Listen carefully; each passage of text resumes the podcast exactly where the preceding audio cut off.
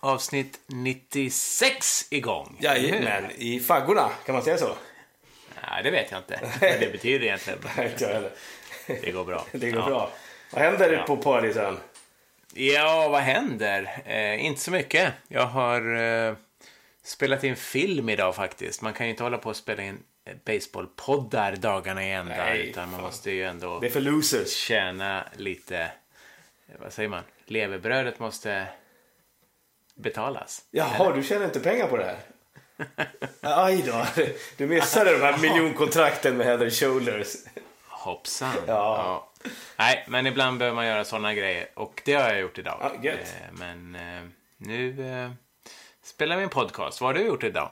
Eh, det är inte mycket det faktiskt. Nej, Ingenting. pappa ledig-ish. Ja, kan man säga. Exakt. Ja, härligt. Jag har förberett för stormen Knut lite grann. Ja, vad heter den så? Ja, eller Okej, Knud kanske. Jag kommer inte ihåg. Någonting. Knut eller Knud.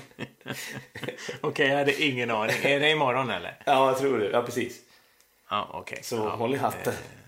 Ja, det får vi verkligen göra. Håll i kepsen, Exakt. alla baseballfans. Ja.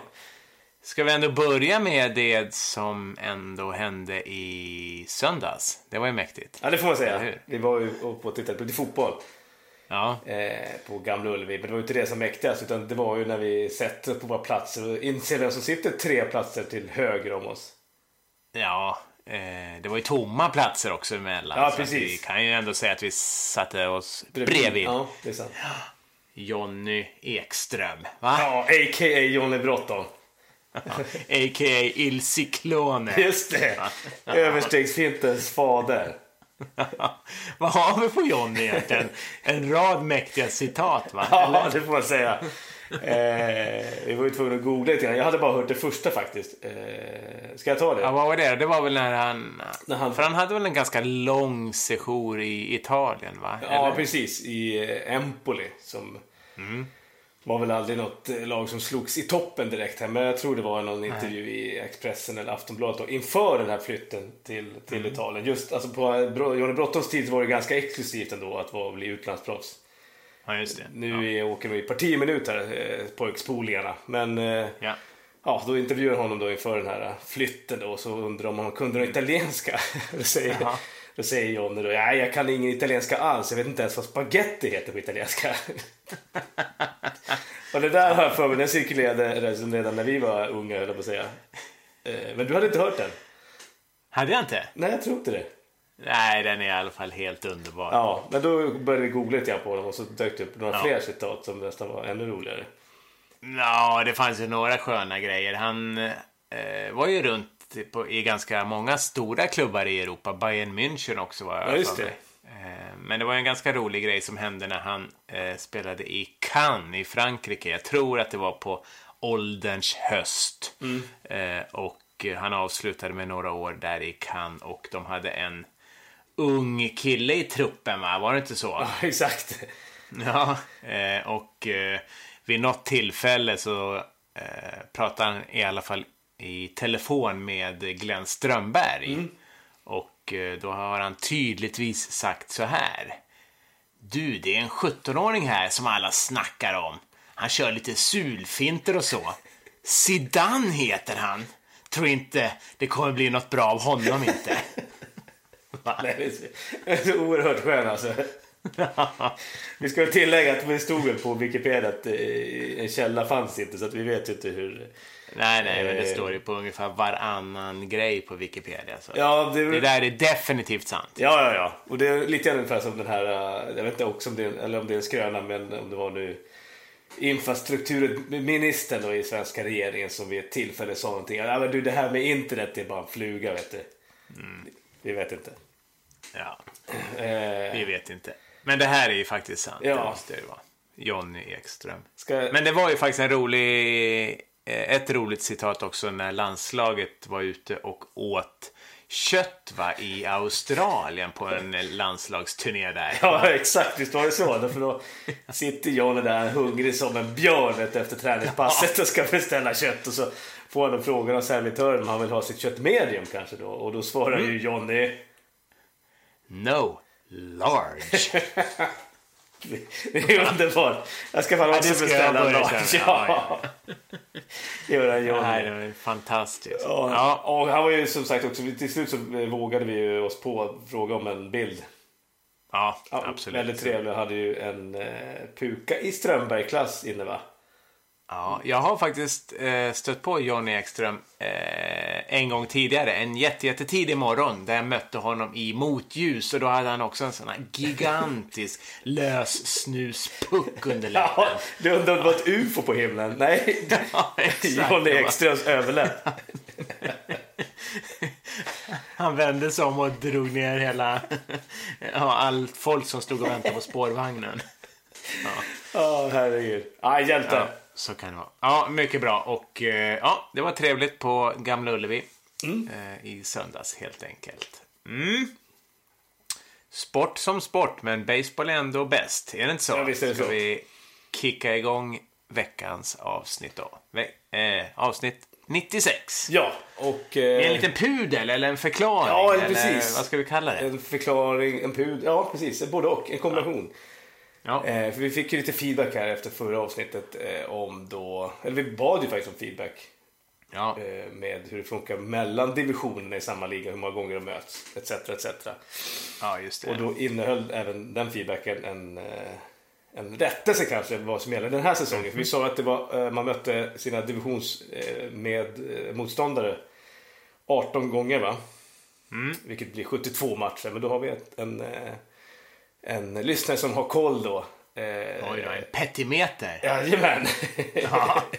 Som eh, hävdar då att det är, han tittade på Yankees då och, och då ja. möter de ju sina divisionslag 19 matcher. Mm, Aha, okay. eh, den här säsongen. Vilket blir hur många matcher då? Snabb huvudräkning. Ja, det blir ju fyra till. Ja. Fan vad bra. Eller? Det stämmer. Ja. Så 76 istället för 72. Ja. Eh, och eh, ja, vad var det mer om det? Det var väl... Ah, Nej. Han skriver att, vet inte om det stämmer, men vet att det inom divisionen ofta är 19 matcher mot varandra. Det vill säga 9 till 10 Aha. hemma eller borta. Eh, okay. Det jag har stött på när man har kollat runt är att det liksom verkar inte finnas någon exakt formel för hur, hur schedule ska läggas upp. Utan att det kan okay. variera från säsong till säsong. All right. Eh, och sen så då, eh, som förklaring till interdivisionen då, sen möter då Yankees alla andra lag i American League, eh, American League utom East då såklart. 6 till 7 matcher per säsong. Ja, det var väl där vi var lite osäkra förra veckan. Just hur man mötte de andra Precis. divisionerna i samma liga. Mm, Eh, Okej. För att de i år möter samtliga lag i, i National League East, det har vi redan eh, sagt faktiskt. Och att de även Ja. har Subway Series mot Mets eh, numera varje år. Ja, en lite sån här interleague-derby. Ja. Precis. Så att eh, summan av kardemumman blir väl att vi redde ut hur det ser ut det här året, men vi är lite osäkra på hur det ser ut nästa år. Ja, Eller hur, exakt. hur man resonerar. Ja, men jättekortfattat då kanske kan man ju säga att man möter lagen i sin egen division 18-19 gånger, i sin egen liga 6-7 gånger och sen möter man en, an, en annan division från den andra ligan eh, gör man varje år och den, det roterar. Precis. I år för eh, American League East så möter de National League East. Nästa år blir det National League West. Plus att man har några matcher av derbykaraktär. Exakt. Så. Ja, det är lysande. Ja, mycket bra. Vad går vi vidare med? Kanske Cleveland Indians som eh, clinchade American League Central i lördags var det. Det är ju faktiskt det enda laget som har clinchat sin division. Ja, det är det ju faktiskt. Även fast det är Mm. väldigt, väldigt nära i eh, American League East där Yankees Ja. stretar vidare eh, för att Ja, i största möjliga mån undvika att Boston får fira efter vinst mot dem.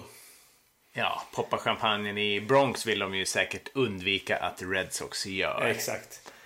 Men om vi tittar på Cleveland då. Det är ju faktiskt deras tredje raka American League Central-titel. Eller hur? Precis. Och eh, bäst gick det väl 2016 måste man väl säga när de eh, gick ända till match 7 va, i World Series mot Chicago Cubs. Trots att de ledde med 3-1 i matcher. Ja, exakt. Eh, 20, förra året så förlorade de i American League Division Series mot Yankees Trots att de ledde den serien med 2-0 i matcher. Mm. Och de vann väl över 100 matcher förra året också. 102 matcher. Just det. Och eh, det var ju den här häftiga eh, grejen förra säsongen när de satte det här American League-rekordet med 22 raka vinster. Ja. Eh, Där vi trodde att de Så- kanske brände sitt krut lite grann.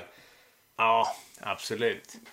Så i år har det varit lite sådär, de har väl liksom glidit lite under radarn och troligtvis så kommer väl de få stöta på eh, Houston Astros. Allt tyder väl på det i American League Division Series. Ja. Men ja, Svårtolkade. Ja, men det är de. För att de spelar i vad som just nu är en väldigt lätt division, eller som har varit i några år. Det är inget annat lag som är över 500 och eh, tre lag som alltså eh, bara har 400 i winning percentage eller sämre. Och, eh, men de har ju fa- fortfarande ett otroligt intressant lag med ja, shortstoppen Francisco Lindor. Han var ju, kanske kan han bli American Leagues eh, most valuable player. Eh, sen har de andra basmannen José Ramirez. Tredje basmannen nu, nyligen värvade då Josh Donaldson. Som ah, har börjat lite svagt, men kan ju verkligen komma igång när det vankas slutspel. Ja, ja, och sen har de ju en stark rotation med Kluber och Carrasco, Clevinger och eh, Bieber och Mike Tomlin va? Mm. Och sen har de ju den här starka bullpennen också med Andrew Miller och Cody Allen som closer. Mm. Eh, ja, han satte väl för övrigt franchise-rekord i antal saves den här säsongen om man nu tycker att det är en viktig statistik. Men Cody Allen är ju verkligen pålitlig som closer, det måste man väl säga. Ja, det får man säga. Eh, Och det är precis som du säger en eh, stark rotation och eh, Ja. liksom, eh, framträdande defensiva spelare. Så att eh, det är väl precis som du var inne på att de kanske har flugit under radarn i en otroligt lugn division. Jag tror faktiskt eh, att det är ända sedan i början av juli så har de haft ungefär 10 eh, matchers försprång. Give or Ja, take. de har liksom kunnat liksom eh, puttra fram genom säsongen och Ja. inte förta sig kanske. Nej, i och med att de har varit så fruktansvärt ohotade av... Eh, ja, nu är det väl Twins va, som ligger efter dem. Ja, Eh, de har varit närmast och det är väl som sagt två månader sedan de var ens halvnära. ja, men i en division som också innehåller Kansas City Royals och Chicago Whites också är det ju liksom. Och Detroit Tigers. Så ja, den är väldigt svag tyvärr. Så att, eh, men det beror ju på lite vad man... eh, Ja. Sen kommer de komma in i en högintensiv American League Division Series mot Houston Astros. Ja, verkligen. Eh, och då är det frågan om de liksom kan varva upp så fort som det krävs. För det är en kort serie, det är ju bara bäst av eh, fem matcher. Ja, precis. Eh, och, men de måste ju vara ganska revanschsugna. Ja, Efter förra absolut. året. Eh, Alltså gå och torska mot Cubs i World Series i, i sjunde matchen. Det, det får man säga mer än godkänt ändå. Eh, Ja, ja, ja, men att ryka mot Yankees i Division Series efter att ha lett med 2-0. Ja, Ja. Så att, eh, ja, det kanske blir en litet, eh, litet eh, sleeper-lag i postseason. Vi får se. Ja, de är i alla fall utvilade måste man ju nog ändå Mm. säga. Verkligen. Ja, ja, American League Central alltså, helt avgjord. Mm. Sen har vi en, ska vi kalla det en eh, recycle? Eller? Ja, just det. Eller kanske till och med en bicycle. Ja, det kan man ju också säga. En eh, tvåhjuling. Ja. Han... Eh, ja, Christian Jelic va? Var det inte så? ja, exakt. Han slog till med en cycle igen, eh, Milwaukees Mm. unga centerfielder. Eh, I måndags var det va? Eh, Mm. Gick fyra för fyra med en cycle då, eh, när Mil- eh, Milwaukee Brewers då krossade Cincinnati. Och eh, det här känner vi faktiskt igen, eller hur? Ja, det var ju faktiskt inte så länge sedan vi rapporterade om hans första cycle den eh, 29 augusti mot... Mm. Just det. Vilka var det då? Cincinnati Reds. Eh, då ska vi säga att det var en betydligt jämnare match än vad, vad måndagens match var. Eh, men den här bedriften eh, att göra två cycles på, på, under samma säsong gör att Jelic nu ingår i en eh, klubb om fem spelare som har slagit fler än en cycle under en och samma säsong. Då. Men eh, då. i och med att han gjorde bägge mot Reds så är han faktiskt den enda heter det, medlemmen i klubben för de som har gjort det två gånger på samma säsong mot samma lag. Det är du. Ja, ja, ja det är fan inte illa. Nej. Mycket bra Christian Jelic som väl ändå är med i diskussionerna om National League MVP tror jag. Ja, jag tror det. Alltså, tittar man på hans siffror så ser det ruskigt bra ut. Han har väl ett OPS strax under 1000 och 31 homeruns. Och, eh, ett eh, batting average runt 320 tror jag. Sånt där. Kanske kommer det färgas av om de går till wildcard game och så. Det brukar ju färga av sig liksom. Eh, Ja, visst gör det. Precis. ja, om man nu kan bli utsedd till Most Valuable Player. Så att vi får väl se. Men eh, Brewers är ju ett intressant lag och kanske inte enbart tack vare dem så är ju faktiskt National League Central den kanske roligaste divisionen just nu. Eh, mycket tack vare kanske St. Louis Cardinals och eh, deras gamle trotjänare Adam Wainwright som stod för en grym insats i söndags när han faktiskt stängde ner ett total stekhett Los Angeles Dodgers. För det var ju så, eh, Cardinals var ju grymt bra i augusti men se- september har de in- inte startat så bra och eh, bottennappet det kanske kom i lördags när de förlorade med 17-4 hemma mot eh, Dodgers då. Ja. Eh, därför kom den här gamla ikonens grymma pitchinginsats i ett perfekt läge faktiskt för Cardinals som behövde liksom stanna upp sin slide och, och vända på skutan och eh, ja, Wainwright, Wainwright då som verkar ha fått upp eh, sin spin rate tydligen om man kan läsa sig till detta till en så kallad nasty level va? Det är, Okej. då, spinner, då spinner den fort. Ja, skojar I alla fall, han måste i alla fall komma igång för att leda Cardinals starting rotation eh, med bland annat, du vet han Miles 80-tals ansikte. Ja, just det. Nicholas som vi har pratat lite om. Eh, han ingår i den. Även Jack Flaherty, John Gant, inte att ehm, förväxla med Ron Gant som spelade för eh, bland annat Cardinals när vi var unga. Ja. Men John Gant är ju en pitcher. Eh, och sen har vi också den unga Austin Gomber plus eh, resten av eh, deras relief staff med Carlos Martinez som har gått och blivit closer bland annat. det. och eh, killen med Nuke LaLouche-kontrollen Jordan Hicks som kastar liksom ja, en sinker i 100 miles per hour men kan också kasta bollen liksom tre meter över slagmannen. Jag skulle vara helt, helt livrädd att gå upp mot honom. Ja, skojar Ja.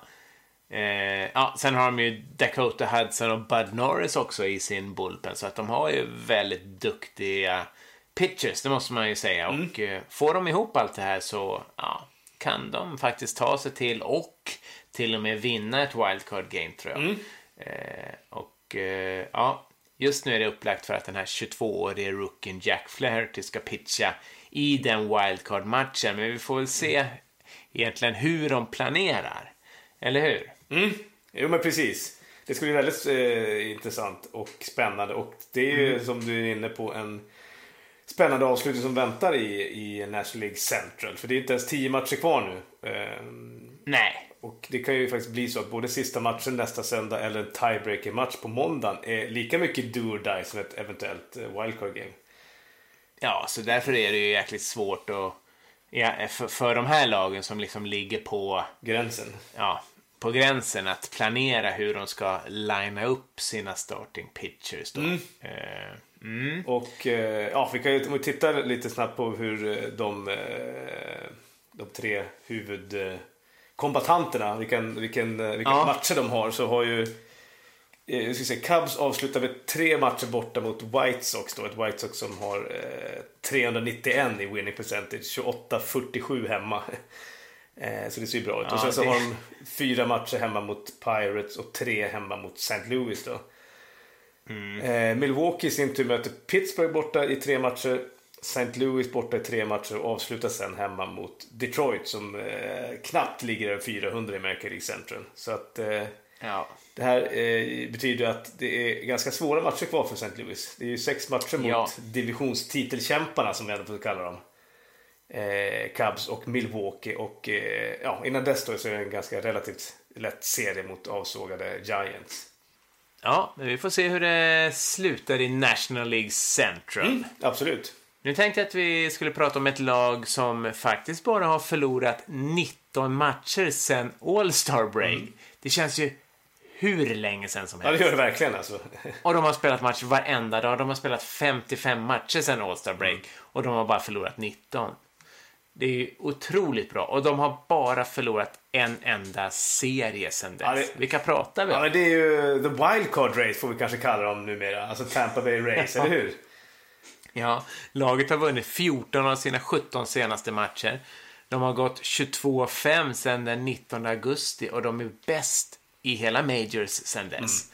Och eh, även under den här perioden så har de haft lägst team-era på 2,65. Så att... Och det roliga, eller väldigt märkliga i det hela är att de tradade bort sin stjärnpitcher mm. under trading deadline, eller precis innan deadline. Mm. Och det såg så jobbigt ut ett tag. Vi garvade ju lite åt dem, eller hela baseballvärlden garvade åt dem, för de hade inte en enda starting pitcher på sin roster. Nej, det är så jävla mäktigt. Man, man måste fråga sig vad är det som händer egentligen? Nej, men stjärnpitchen som de tradade bort, det var ju Chris Archer. De eh, skickade honom till ett eh, ganska dumdristigt satsande Pittsburgh Pirates, måste man ju säga så här i efterhand. Eller? Ja, vi sa ju det efter den traden att antingen så går, går det åt helvete eller så var det en, ett lyckat val och det visade sig vara ganska idiotiskt ja. eftersom de skickade väl iväg en del eh, prospects va? Ja, väldigt bra. Alltså den här väldigt eh, intressanta pitchen Tyler Glasnow bland mm. annat mm. och outfielder Austin Meadows som, eh, han, som nu tillsammans med tre andra eh, blir uppkallade till Tampa Bay Race då eh, från deras farmarlag Durham Bulls. Just det, på tal om Nuke LaLou som ju var prospect i eh, Durham Bulls, i filmen Bull Durham. Ja, men precis. Tim Robbins. Jajamän, och Kevin Costner. Grym film. Eh, och ja. om inte det här räckte då, eh, det som du precis eh, nämnde, så tradade de ju faktiskt även bort eh, Nathan Eovaldi, starting pitcher till, till Boston ja. Red Sox och catchen Wilson Ramos till Phillies va. Eh. Och då som avslutning på den här galna trade-sessionen så lyckas de trada till sig Cardinals outfield Tommy Pham som verkar vara oerhört lyckosamt, eller hur?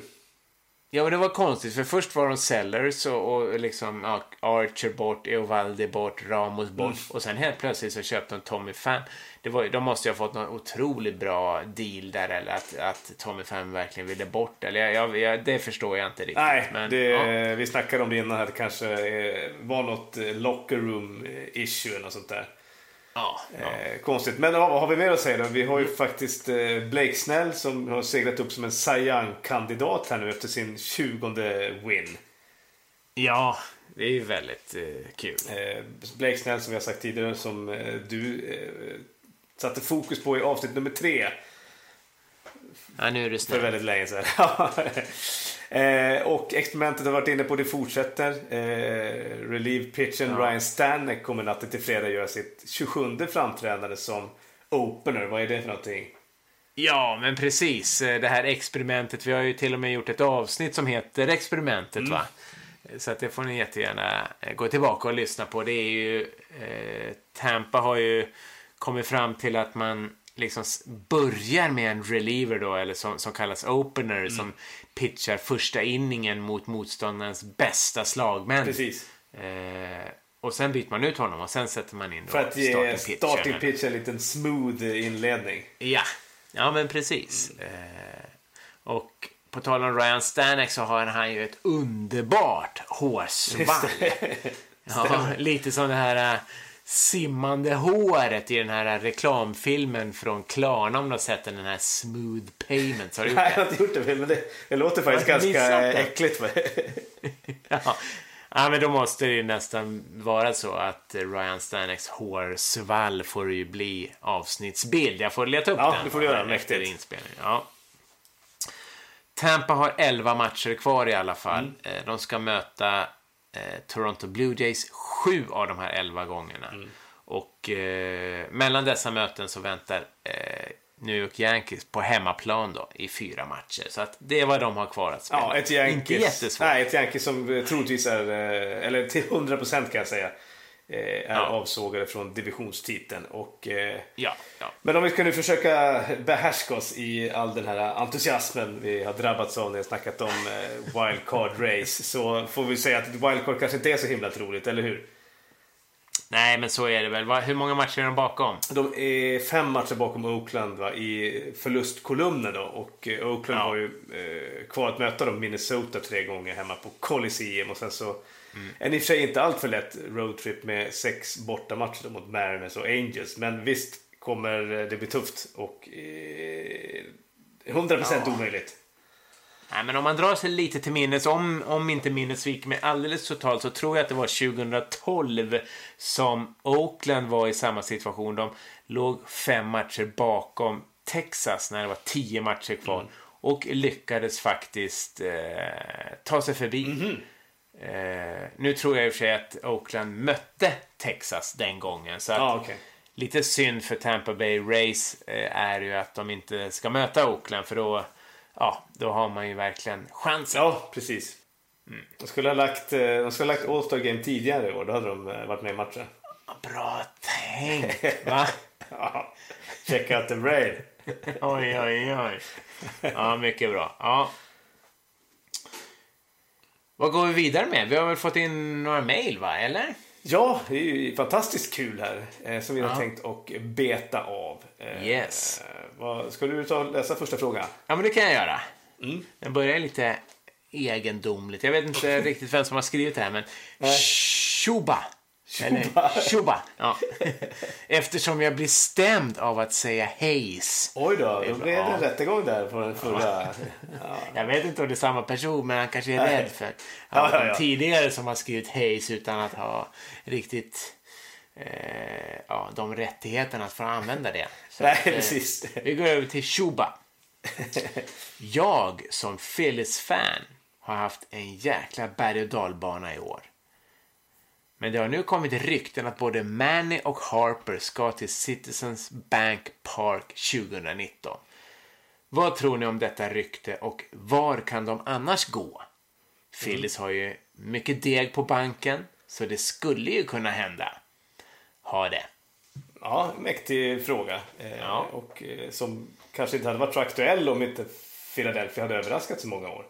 Nej, men Jag vet inte. Men eh, ja, det verkar som att det är ganska många av MLB-cheferna som tror att det är tänkbart att Philly skulle kunna klippa både Bryce Harper, då, outfielden, och Manny Machado, infielden, under vintern som kommer. Då. Ja. Eh, Phillies har ju då en eh, ganska liten summa pengar då, som eh, man har till eh, eh, alltså spelare som redan är signade. Ja. Eh, mindre än 70 miljoner dollar tror jag. Aha. Vilket gör att de har en ganska bra möjlighet att verkligen göra en dundervinter eh, trademässigt faktiskt. Ja, de har utrymme. Ja, och vi, när vi snackar både Machado och Harper har ju ryktats bli de då som kommer att, landa monsterkontrakt och som skulle kunna bli, göra dem till de bäst betalda spelarna i MLB-historien eftersom de blir eh, free agents vid en så un, sån ung ålder. Harper blir ju, fyller 26 nästa år och eh, Machado fyller 27 va? Ja, i juli nästa år ja. Så Ja. att de är i princip eh, lika gamla ja. Ja, och många år kvar. Ja, och tidigare i år eh, så var det ju faktiskt så att Manny Machado ryktades vara på väg till eh, Phillies innan han då eh, blev tradad till Dodgers ju. Mm. Eh, och han har ju faktiskt lite sådana här personliga kontakter eller knutpunkter med en hel del av Phillies vad ska jag säga, executives. Eh, jag tror det är tre eller fyra stycken som idag jobbar för Phillies som när eh, Baltimore eh, valde Machado i draften 2010 jobbade eh, för Baltimore alltså. Ja, Eh, okej. Så att, eh, ja, han har nog verkligen sina supportrar där på kontoret i Philadelphia. Så att, Ja. mm, Det kanske, fan. kanske. Ska vi kolla lite grann på hur det har gått eh, för dem under säsongen. Tittar vi på Harper då så ligger han på ett eh, batting average på 247 OBP, alltså on base percentage på 387 då, slugging på 503. Ja. Eh, det är ju helt okej. Okay. 33 homeruns då för Nationals. Eh, Machado ligger strax över 300 batting average. 374 i on base percentage och 545 i eh, slugging då med 34 homeruns för både Baltimore och Dodgers. Så att de är ganska likvärdiga. Likvärdiga säsonger måste man ju säga. Ja, och som vi var inne på då att den här eh, ja, lite överraskande inledningen och eh, hur Phillies gick i början på augusti. Just det. Eh, gjorde att de var aktuella ganska länge för att eh, klara eh, postseason-kontraktet eller vad man säger då. Ja, de ledde ju faktiskt National League East där ett tag i augusti. Ja, Stämmer. men efter det så gick allting eh, söderut eh, ja. och jag tror att sen dess har de gått 11-23 då och inte, har inte vunnit en enda av deras senaste 12 serier då. Aj, aj, aj. Ja, och mm. laget har den sämsta, andra sämsta batting average då, 237 i hela MLB. Mm och är på 21 plats i antal runs och eh, har den tredje högsta antal strikeouts. Då, så att, eh... Ja, ja det, det är klart. Eh, alltså, om de nu skulle kunna addera de här två ja, fantastiska slagmännen, alltså Harper och Machado, till mm. den här line-upen så skulle väl det kanske hjälpa deras, vad ska man säga, slag lidande. Eller? Ja, exakt. Ja, men det är sant. Alltså, och, ja. Eh, ja, men Phillies har ju varit i samma eh, situation som Atlanta egentligen. Ett ganska ja. ungt lag yes. har varit eh, och i viss mån är i rebuilding mode och som man inte riktigt vet när de ska liksom ha sin breakout season. Eh, nu verkar det som att Atlanta har haft det i år och att Phillies då kanske på grund av orutin eh, föll tillbaka när det återstod två månader av säsongen. Vilket yeah. är, är jättebra om man får in lite mer rutinerade spelare. Mm, mm. Ja. Det var, en liten, det var ju två frågor i en va? Vad tror ni om detta rykte och var kan de annars gå? Var det också. Ja just det, vad har du där? Ja. Och om de nu inte då skulle hamna i Phillies, jag vet ju inte hur stor chansen är att båda skulle göra det. Det är väl kanske inte jättestort ändå. Nej. Eh, så är det väl. Eh, så tror ja, jag i alla fall att Manny då kanske ändå stannar kvar i i Hollywood hos mm. Dodgers. Det är ju mycket möjligt faktiskt. Men då måste väl Dodgers eh, rensa i sin, eh, i sin payroll lite grann? Ja, jo, de ligger där eh, och skakar precis vid eh, lyxgränsen. Ja, absolut. Och Bryce Harper, det har ju snackats ganska länge nu om eh, Yankees för honom. Mm. Eh, vi får se där. Det är ju den där höger outfielder-positionen där som innehas av Aaron Judge va? Så ja, att, just det. Vi får se där. Ja, men det vore väl eh, schysst med, med Harper, eh, Judge och eh, Irish Mike. Ja. I line alltså. Och Gary. Och Gary, de får ju liksom eh, dubbla sin bollbudget nästa säsong, Yankees. Ja, från 100 miljoner till 200 miljoner. Jo, men det kan ju säkerligen bli så att um, folk kommer betala inträdespengar för att se de här uh, batting practice med de här killarna. Ja, just det. Skojar du? ja. ja. Ska vi ta nästa fråga då? Ja, men vi får in otroligt mycket frågor nu och det ja. vill vi verkligen ska fortsätta. För det är kul att uh, bygga avsnitten kring frågor, eller hur? Ja, det tycker jag också. Och ja. Eh, få igång lite schysst snack. Ska jag ta yes. frågan här då? Ja, kan Den här gången. Hej grabbar! Mm. Eftersom jag fortfarande blir närmast generad när någon kallar mig för expert okay. inom citationstecken så tänkte jag härmed visa att jag inte kan veta allt utan gärna ta hjälp av er i det här fallet. Mm -hmm. Min fråga är, hur mycket skulle ni säga behövs för att säga att en spelare har bra stats vad gäller on base percentage, slugging och därmed även OPS? Eh, vill också på förhand tacka för ännu ett fint poddår och hoppas att det blir många till har vi fått från vår kollega Johan från playball.se. Okej. Okay. Ja. Mm. Eh, för att ta reda på vad bra stats är vad gäller on base percentage, slugging och därmed OPS så kan man ju gå in på mlb.com och klicka på stats, eller hur? ja, just det. Det kan man ju faktiskt göra. så det kan vi upplysa experten om att det är möjligt att göra. Och så kan man titta de som ligger på ungefär topp 10 där och då dra slutsatsen av att ja, det är ganska bra. Sorry Johan, men så kan man ju göra. Eh, men om man kanske tittar på ett lite större perspektiv och kanske börjar i något han inte tar upp, va? batting average. Ja. Eh, så kan vi ju säga att eh, om man tittar över hela ligan så har ju batting average varit någonstans med snittet mellan 250 och 275. Mm. Och att eh, spelare med ett batting average över 300 det räknas som ah, very good batters kan man mm. säga. De är bra, alltså verkligen bra. Och eh, om man har ett batting average över 400 på en hel säsong så ja, det känns som att det liksom är det ultimata liksom, målet eller ja, mm. man som slagman kan ha. Och det går i princip inte att ha i modern baseball utan när ja. man ser de siffrorna då, då är det liksom 1894 eller 1902 eller så. Mm. Så att om man bara tittar på några liksom siffror från de senaste åren när vi har följt basebollen så exempelvis José Altuves 346 från förra året mm. eh, är ju jättebra. Han var ju bäst i hela ligan. Men det placerar honom på plats 486 all time. Oj. Så att, eh, ja. ju, men vi, vi, behöver ju ändå någonstans hamna i ja, nutid och till exempel Chipper Jones, Atlantas tredje basman och shortstop, eh, 365 från eh, 2008 är 193 bäst i historien då. Men mm. det är mm. väldigt, väldigt bra eh, ja, för de senaste 20 åren. Eh, och så länge du och jag har följt basebollen så är eh, San Diego Padres Tony Gwynns 394 i batting average från 1994. Det absolut bästa då som mm. någon har kunnat prestera. Så att, ja, lite sådär nutidshistoria eh, så kan man ju, ja, hamnar man någonstans över 350 så är det ju riktigt, riktigt bra. Ja, verkligen. Riktigt, eh, riktigt bra. Och om vi då nu är inne på batting average så måste ja. vi ju nämna the Mendoza line, eller hur? Ja, just det. Det är en ganska skön, ja, eh, tolkning jag ska säga. Alltså, the Mendoza line är liksom, eh, det har sitt ursprung från eh, shortstoppen Mario Mendoza som eh, ja, räknas som jäkla dålig slagman.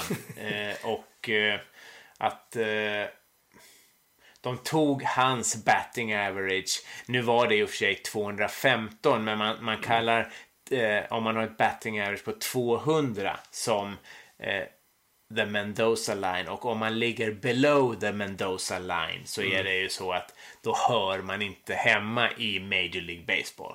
Så Nej, kan man ganska snabbt eh, liksom förklara the Mendoza line att under 200 oavsett hur bra du än är defensivt. Mm. Om du inte kan slå över 200, alltså du får en hit var femte gång du går upp och slår.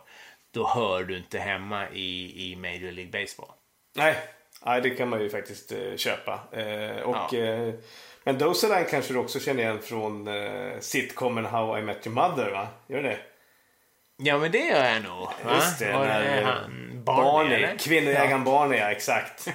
Han förklarar då the, the Vicky Mendoza Diagonal Line. Ah. och den bestämmer hur snygg en tjej måste vara för att han ska dejta henne i förhållande till hur galen hon är.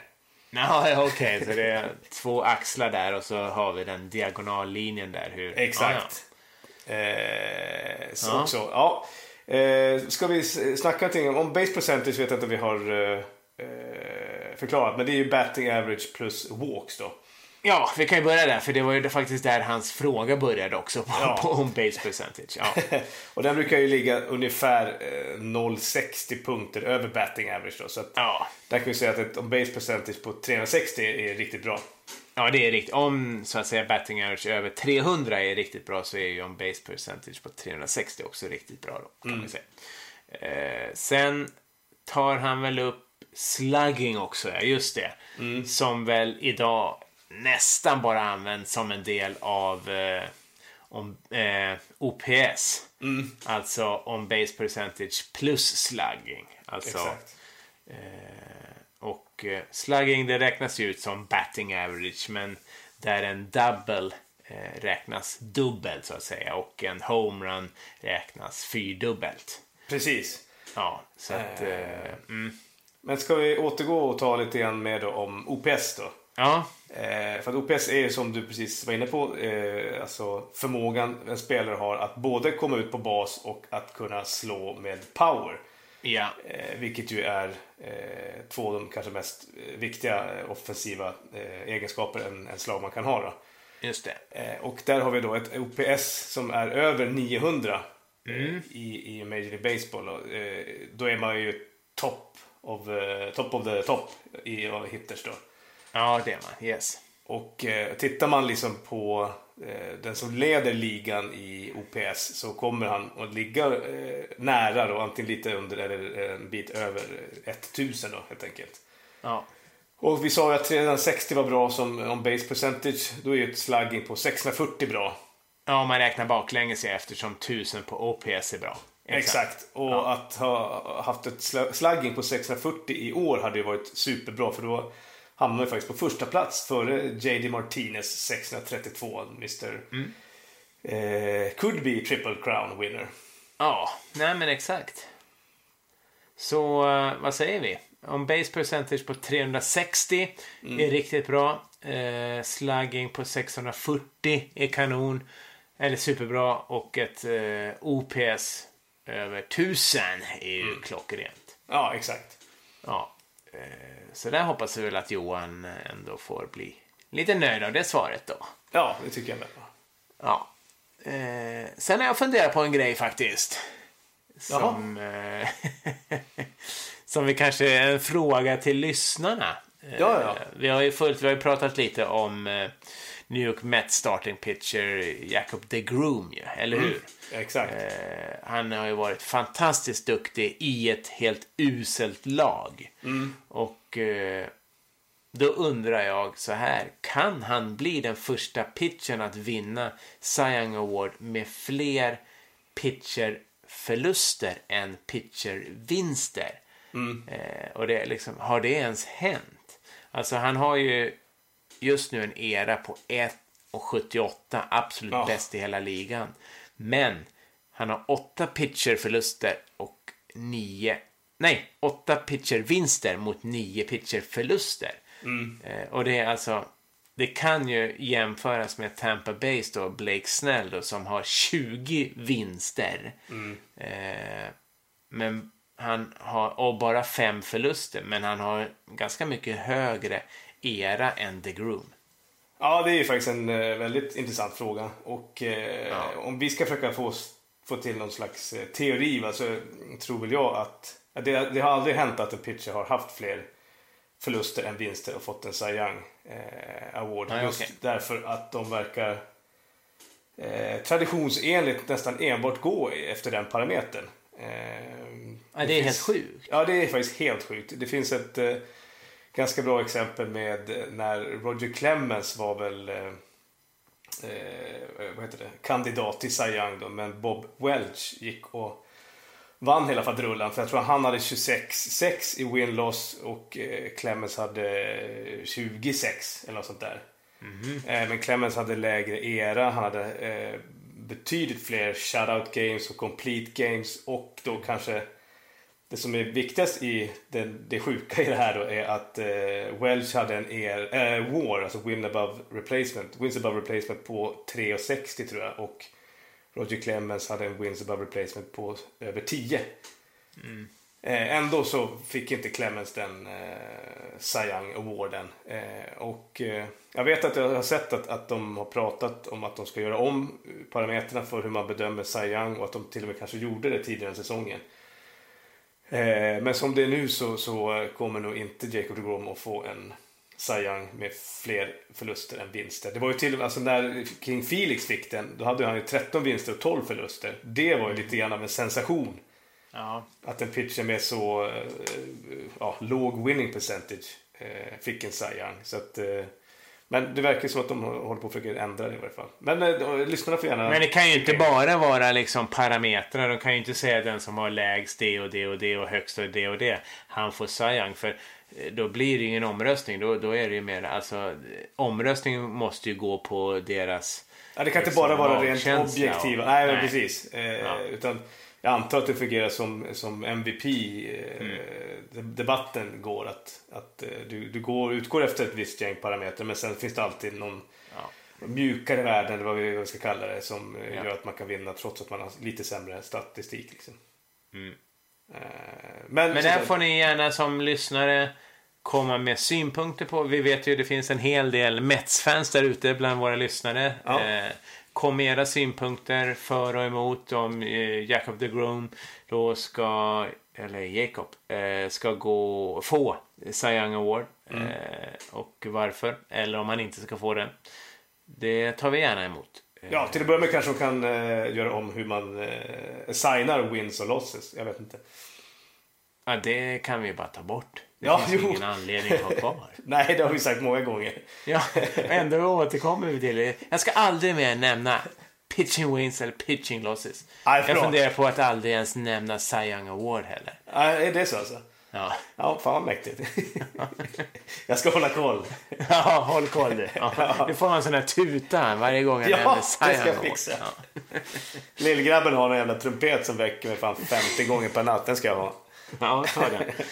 Eh, mycket bra. Eh, ja, eh, det var väl det. Ska vi eh, rikta blickarna mot Sverige kanske? Ja, vi tar väl flotten över Atlanten. Ja, och la- landar i Blekinge Ja, till att exakt. börja med. Ja, för att första delen av SM-finalerna i baseball har ju spelats. Ja. De spelas i bäst av fem där då Firehawks inledde bäst med en rivstart i dubbel kanske vi kan säga. För att Ja. Första och andra inningen bjöd på inte mindre än sju poäng för hemmalaget. Sölvesborg, ja. Ja, och eh, där matchens giganter då var bland annat Joel Jonsson som eh, hade en three-run homerun, tre hits, fem RBIs och då även Eddie O'Coin, kan det heta det? ja. Möjligt. Eh, som på kullen då höll Leksand till noll poäng med 10 strikeouts då. Och den det är starkt. Ja, så det slutade 10-0 till Blekingarna. Till Blekingarna, Firehawks. Mm. Sölvesborg. Ja, eh, undrar om Jim har varit på någon match. Tror du det? Jag vet inte.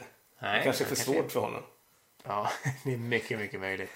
Eh, ja, det krävs en viss typ av intelligens. Ja, men så eh, skulle vi ju inte säga. Nej, det skulle vi inte. Nej, vi skulle ju hålla oss borta från politiska Ja, och ställningstaganden. för backning här från våra lyssnare. Ja, Ja. Eh, vi får väl hoppas att han har varit där och kollat. det där hade varit kul. Ja. Match två i alla fall eh, blev... Eh, där kom Leksand Lumberjacks tillbaka och eh, vann med 9-3. Så att eh, de vände hem med 1-1 i matcher och det tror jag att eh, de var väldigt nöjda med Leksand. För att på lördag fortsätter det uppe i Dalarna. Game 3 klockan 13.00 och Game 4 klockan 16.00 för det kommer det ju bli.